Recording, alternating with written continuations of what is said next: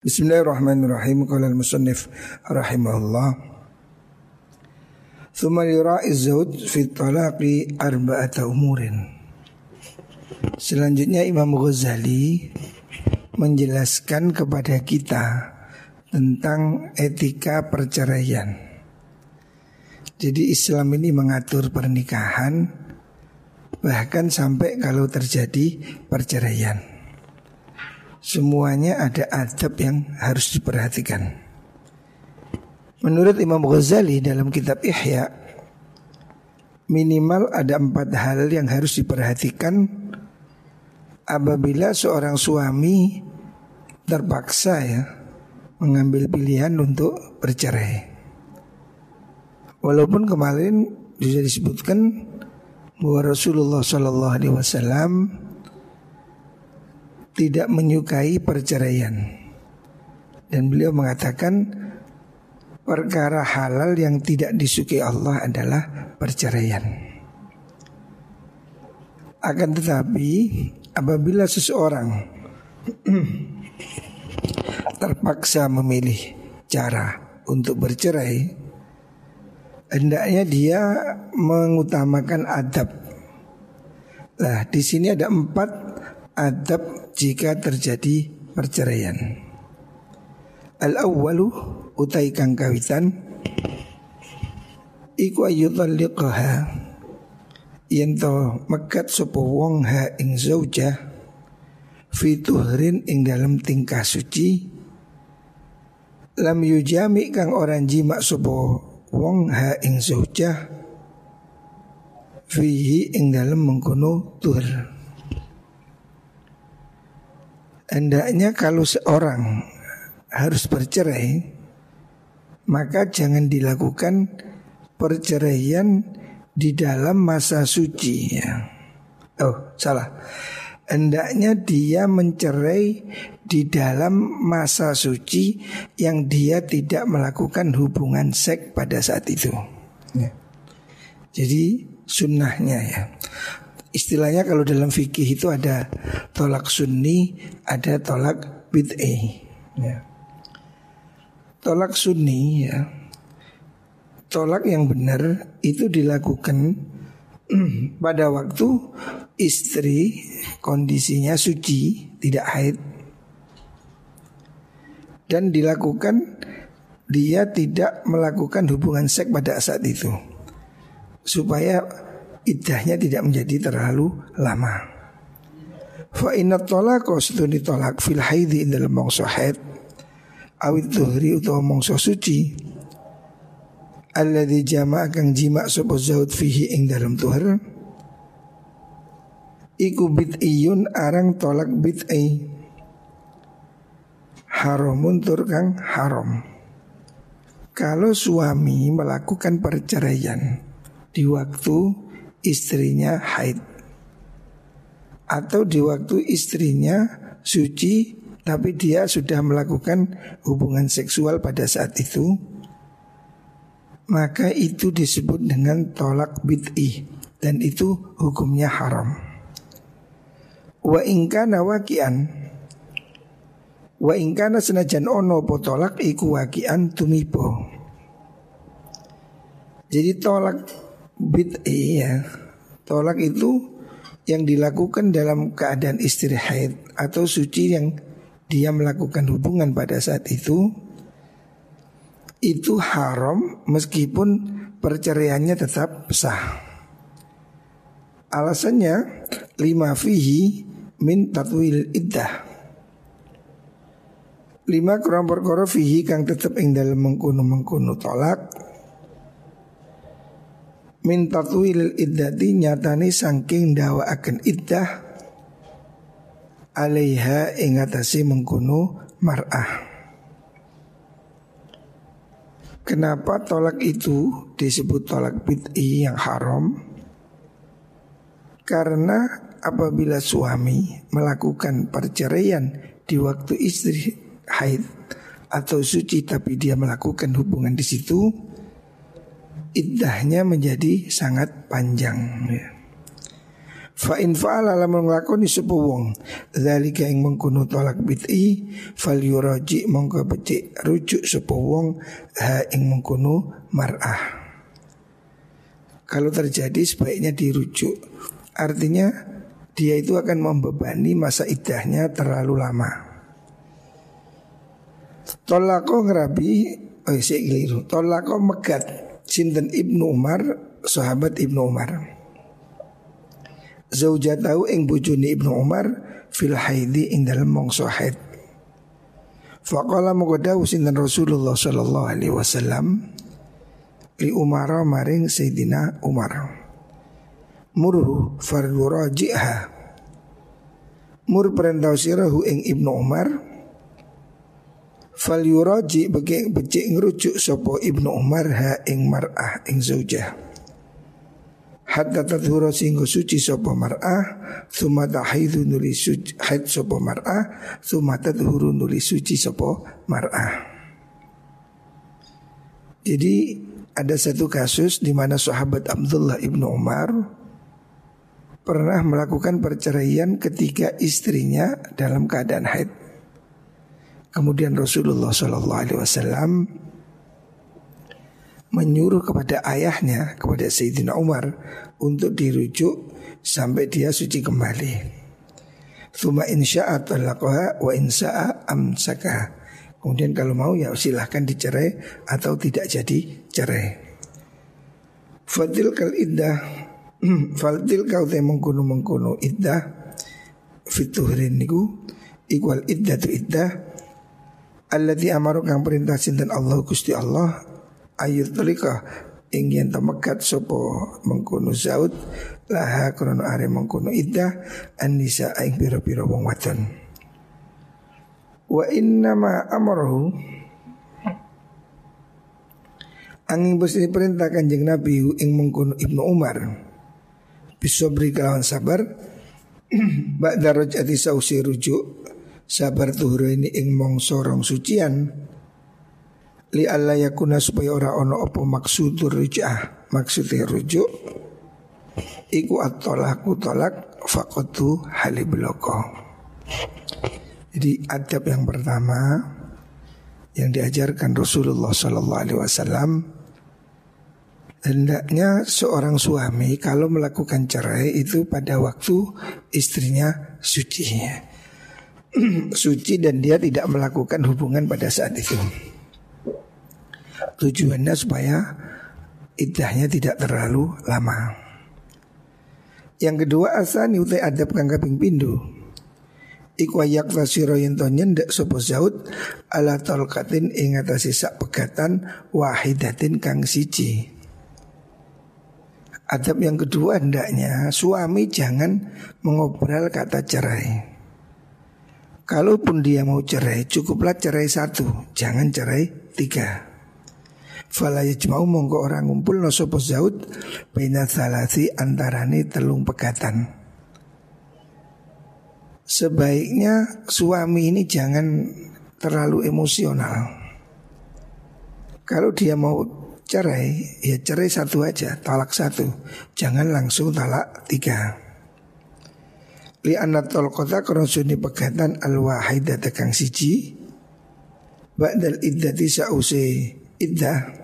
Iku tufidu maeda ya apa mengkono talqah al maqsuda ing perkara kang den sekjo. Wa yastafidu lan ngalap faidah sapa zaud. Pihak lan mengkono talqah al wahida arruj'ata ing bisa rujuk Inna dima lamun ketun sopo zaud fil iddati ing dalam mongso iddah. Wa tajdidan nikahilan ing nyari-nyari nikah. In arad dalam mengarepakan sopo zaud ing nikah ba'dal iddati sausi iddah. Imam Ghazali ya selanjutnya mengatakan kalau kamu cerai jangan langsung cerai tiga. Karena menurut madhab syafi'i cerai itu bisa langsung tiga. Saya cerai kamu tiga. Tolak tiga langsung bisa terjadi. Tetapi sebaiknya tidak sedemikian.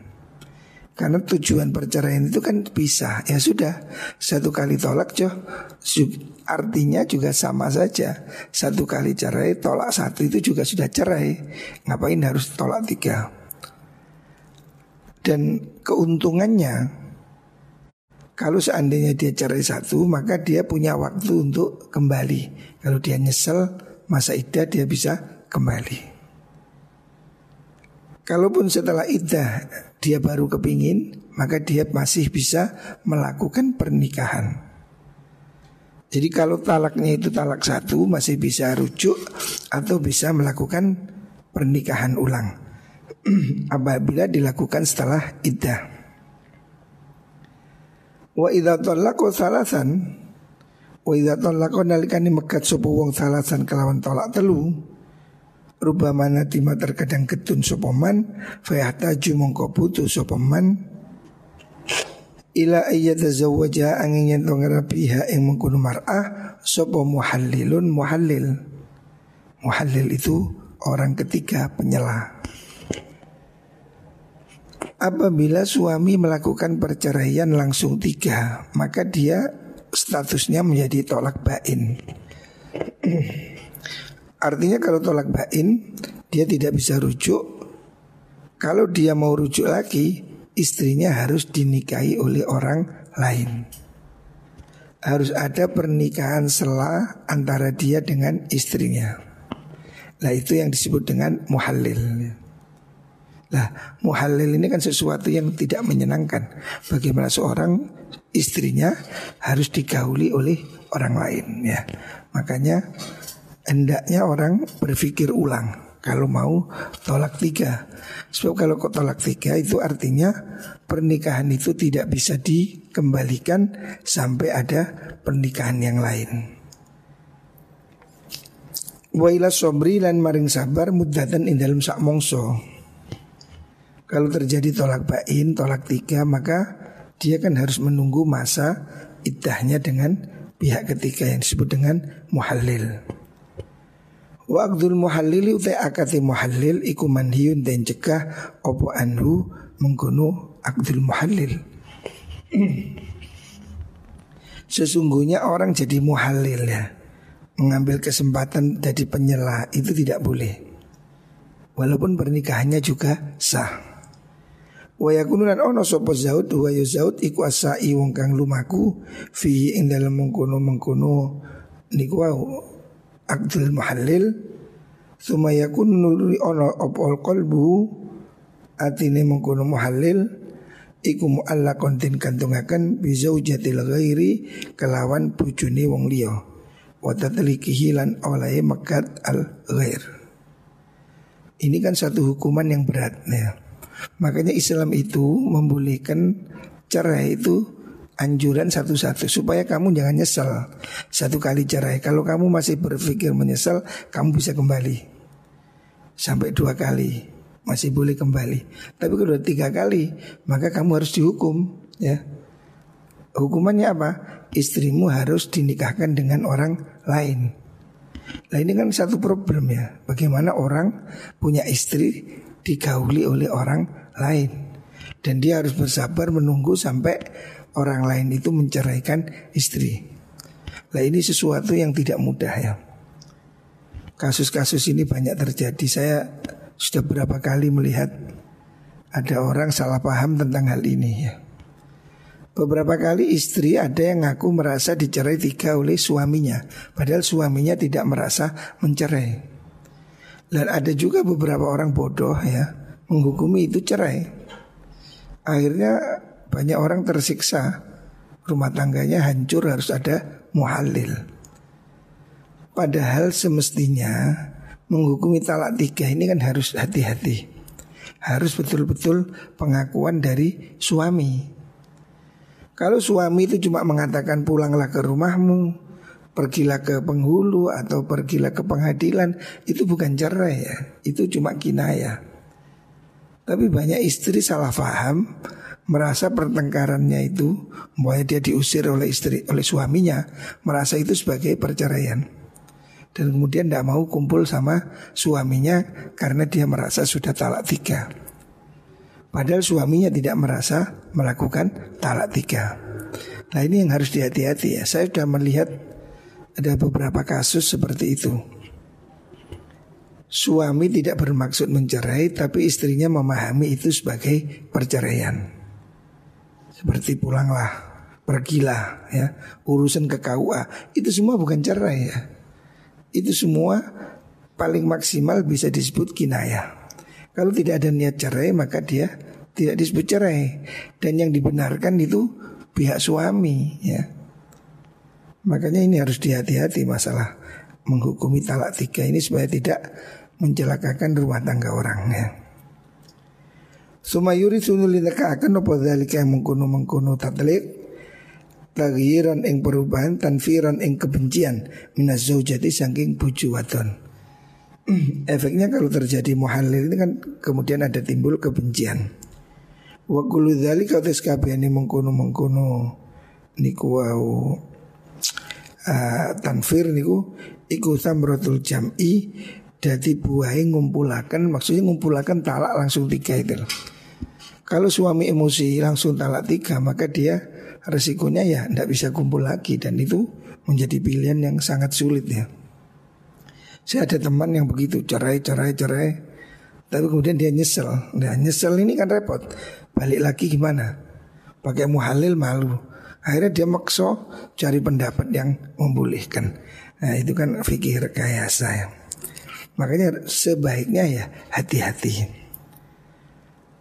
Wafil wahidah lan iku dalam tolak tolakah al wahidah kifayatun dan nyukupi fil maksudin dalam perkara kang den sejo min ghairi mahdhurin saking liyani perkara kang den larang. Artinya kalau mau cerai ya cukuplah cerai satu, ndak usah cerai tiga. Toh tujuannya perceraian sudah terjadi. Walas tulan orang ingsun iku aku lu ngucap ingsun al jam'u te ngumpulaken tolak tiga sekaligus maksudnya iku haramun haram. Saya tidak mengatakan tolak tiga itu haram. Walakinnahu tapi ini mengkunu jam'u Iku makruhun makruh Bihadil ma'ani kelan ikilah piro-piro makna eh, Sebaiknya Kalau orang itu memang mau cerai Ya cerai aja satu Tolak satu Jangan langsung tolak tiga Menurut Imam Ghazali dalam kitab ini hukumnya makruh. Wa ani ngarepaken ingsun bil hati kelan kemakruhan ngarepaken ingsun tarkahu ing tinggali wong an-nadzra ing angen-angen li nafsihi maring awak dhewe wong. Imam Ghazali merasa kalau orang cerai langsung tiga itu emosional, dia tidak bisa mengendalikan dirinya. Sekarang yang ketiga, Asalisu tekan kaping telu etika adab yang ketiga dari perceraian. Iku ayat Allah tofa yento gawi alus sepu wong Fita alulin dalam gawi alasan Bita telikiha kelawan megat ing mar'ah Kalaupun kamu terjadi cerai Jangan sampai menyakiti ya. Ya bisa-bisa baik-baik aja Tidak usah saling menyakiti ya. Hendaknya kalau terjadi perceraian itu tidak dilakukan dengan kebencian atau apakah ke kekerasan. Min ghairi ta'nifin saking tanpa gawe keras wastighfafin lan ngeremehaken Kalaupun rumah tangga itu harus berakhir dengan perceraian, maka perceraian itu hendaknya dilakukan dengan penuh apa? Dengan penuh uh, kelembutan. Artinya tidak boleh dengan suatu kebencian atau pertengkaran. Makanya biasanya orang menikah itu kan diwasiati supaya imsakin bima'ruf au tasrihim. Kalau kumpul ya kumpul yang baik, kalau pisah ya pisah yang baik ya. Jangan berpisah dengan uh, penuh kebencian atau permusuhan. Wa tadhibin lan tegese niku wau den sunaken apa tadhib ya Watadibin lan akan ya qalbaha ing atine mar'ah bihadiyatin kelawan hadiah ala sabil imta'i ing atase dalan bebunga. Kalaupun orang suami itu menceraikan istri, hendaknya dia memberi sesuatu hadiah. Artinya ya menghargailah pertemuan dan perpisahan. Wal jabrilan tegese uh, nembel lima maring perkara faja akan kita kenopo maha ing mar'ah bihi kelan mengkuno tolak nyatani min adzal firoki saking loroni perpisahan. Kalau pernikahan itu harus berpisah, maka suami hendaknya ya memberikan hadiah, memberikan penghargaan supaya istrinya ini tidak terlalu sakit. Istilahnya itu uang kaget lah, ada uang kagetnya. Kan orang dicerai itu mungkin ya kaget, marah, sedih. Nah, suami disuruh beri hadiah ya, penghargaan. Ya. Jangan mentang-mentang. Kalau dawu Allah taala wa matti'uhunna wa matti'uhunan gawe bebunga sira hunna ing mengkono uh, nisa. Wa dzalika uta mengkono matti'uhunna niku al-imta iku wajibun wajib. Itu harus. Mahma lam yusamma selagi orang dan arani lah kedua mengkuno mar'ah apa maharun mahar fi aslin nikahi dalam pokoknya pernikahan. Wajibnya itu kalau memang pernikahannya itu tidak menyebutkan mahar maka mutahnya itu wajib ya memberikan apa ganti rugi atau memberikan uang duka atau apa uang kaget apa ya sebagai apa obat luka-luka lah. Kan perjanjian itu mesti menimbulkan kelukaan. Makanya itu ada istilahnya diberi amut ah diberi ya uh, kesenangan hadiah lah gitu. Kala Daud Al Hasan bin Ali Sayyidina Hasan bin Ali radhiyallahu anhu Oh keliru Karena ono Al Hasan bin Ali Ono sopo Sayyidina Hasan bin Ali ya cucu Rasulullah sallallahu alaihi wasallam Iku mitlakon wong kang ake pegatane. Imam Hasan ini orang yang suka cerai, mingkahan dan seneng rapi.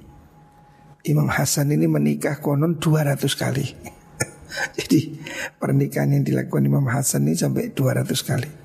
Jadi dia biasa menikah empat cerai empat, nikah empat cerai empat. Eh. Jadi ini memang ya seperti seperti itu ya. Tetapi semua wanita ingin dinikahi Imam Hasan. Jadi Imam Hasan itu orang yang sangat tampan, yang konon sangat mirip dengan Rasulullah Shallallahu Alaihi Wasallam. Dan Sayyidina Ali itu sampai pernah khutbah minta supaya jangan ada orang mau dinikahi Hasan, karena Hasan ini suka kawin cerai. Tapi sahabat-sahabat rebutan kepingin diambil istri atau di anaknya dinikahi Imam Hasan. Nah, karena mereka berharap keturunan dari Al Hasan. Lah Imam Hasan ini seperti itu, tukang cerai kawin. Zawajahu oh, wawajah wawajahalan kongkonan sopo Al Hasan Zata yaumin dalam suci dino Ba'du ashabi yang sebagian di piro-piro sahabat Al Hasan Litalak imra'at ini maring megati bojo loro min nisa'i sangi pira-pira bojone Al Hasan. Pernah satu saat Imam Hasan itu menceraikan dua istrinya, menyuruh temannya untuk mengatakan bahwa dia menceraikannya. Wa qala ngucap sapa Al Hasan kullahuma i'tada. Kul ngucap sira lahuma maring imra'aten i'tada nglakonono iddah sapa sira loro. Imam Hasan menyampaikan pesan supaya dua orang istrinya itu supaya beriddah.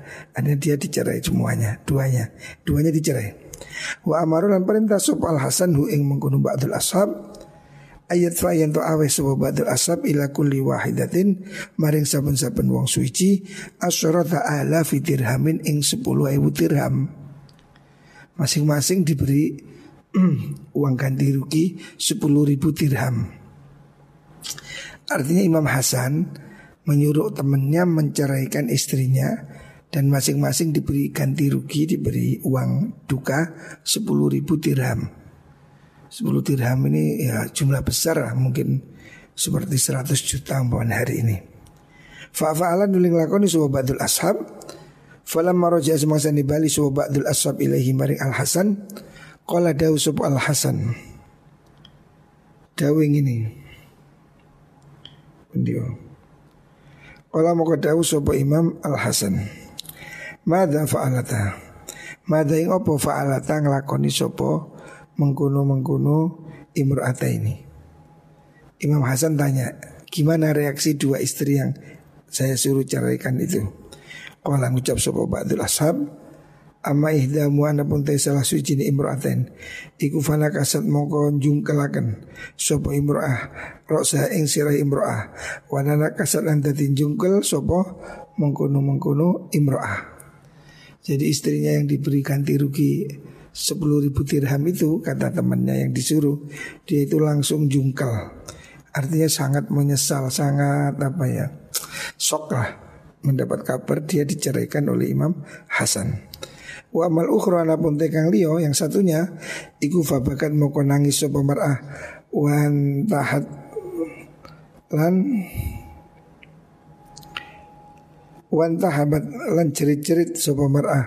Wa sami tulang guru ingsun hae mukun mar'ah. Takulu ngucap sapa mar'ah mata un qalilun min habibin mufariqin Mataun ay hadza iku mataun pondo kolilun kang didik min habibin saking kekasih mufarikin kang misai. Artinya dua-duanya itu merasa sok kaget ya karena diceraikan oleh Imam Hasan dan dua-duanya menangis dan menyesal. Fa'atroko mongkon dinglu akan sopal Hasan Imam Hasan wa hamalan walas sopal Hasan lah mari mengkono mar'ah. Imam Hasan juga menyesal juga ya dia menundukkan kepala. Waqala ngucap supal Hasan Lau kuntu lamun ono ingsun iku murajian wong kang ngrujuk imro'atan ing wong wadon. Ba'da ma tu sause mekat ingsun ha ing mar'ah. La tu mongko nyekti ngrujuk ingsun ha ing mengkono mar'ah. Jadi Al Hasan ini memang suka nikah kawin apa kawin cerai. Tapi dia tanggung jawab ya setiap istrinya dicerai diberikan uang yang besar. Tapi tahu begitu ya istrinya tetap saja merasa menyesal, merasa sedih ya. Karena kan perkawinan itu kan ya sesuatu yang sakral ya, ya. sesuatu yang sangat kuat ikatan sehingga perceraian itu mesti menimbulkan luka-luka ya. Makanya meskipun diberi uang ya mereka tetap menangisi ya, perceraiannya dengan Al Hasan. Tapi Al Hasan sendiri ya memang seperti itu.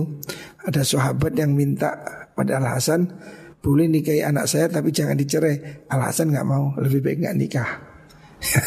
Alasan ya wallah alam ya. Ya kita kitain muka-muka selamat semuanya ya pernikahan ya sebisanya jangan ada perceraian.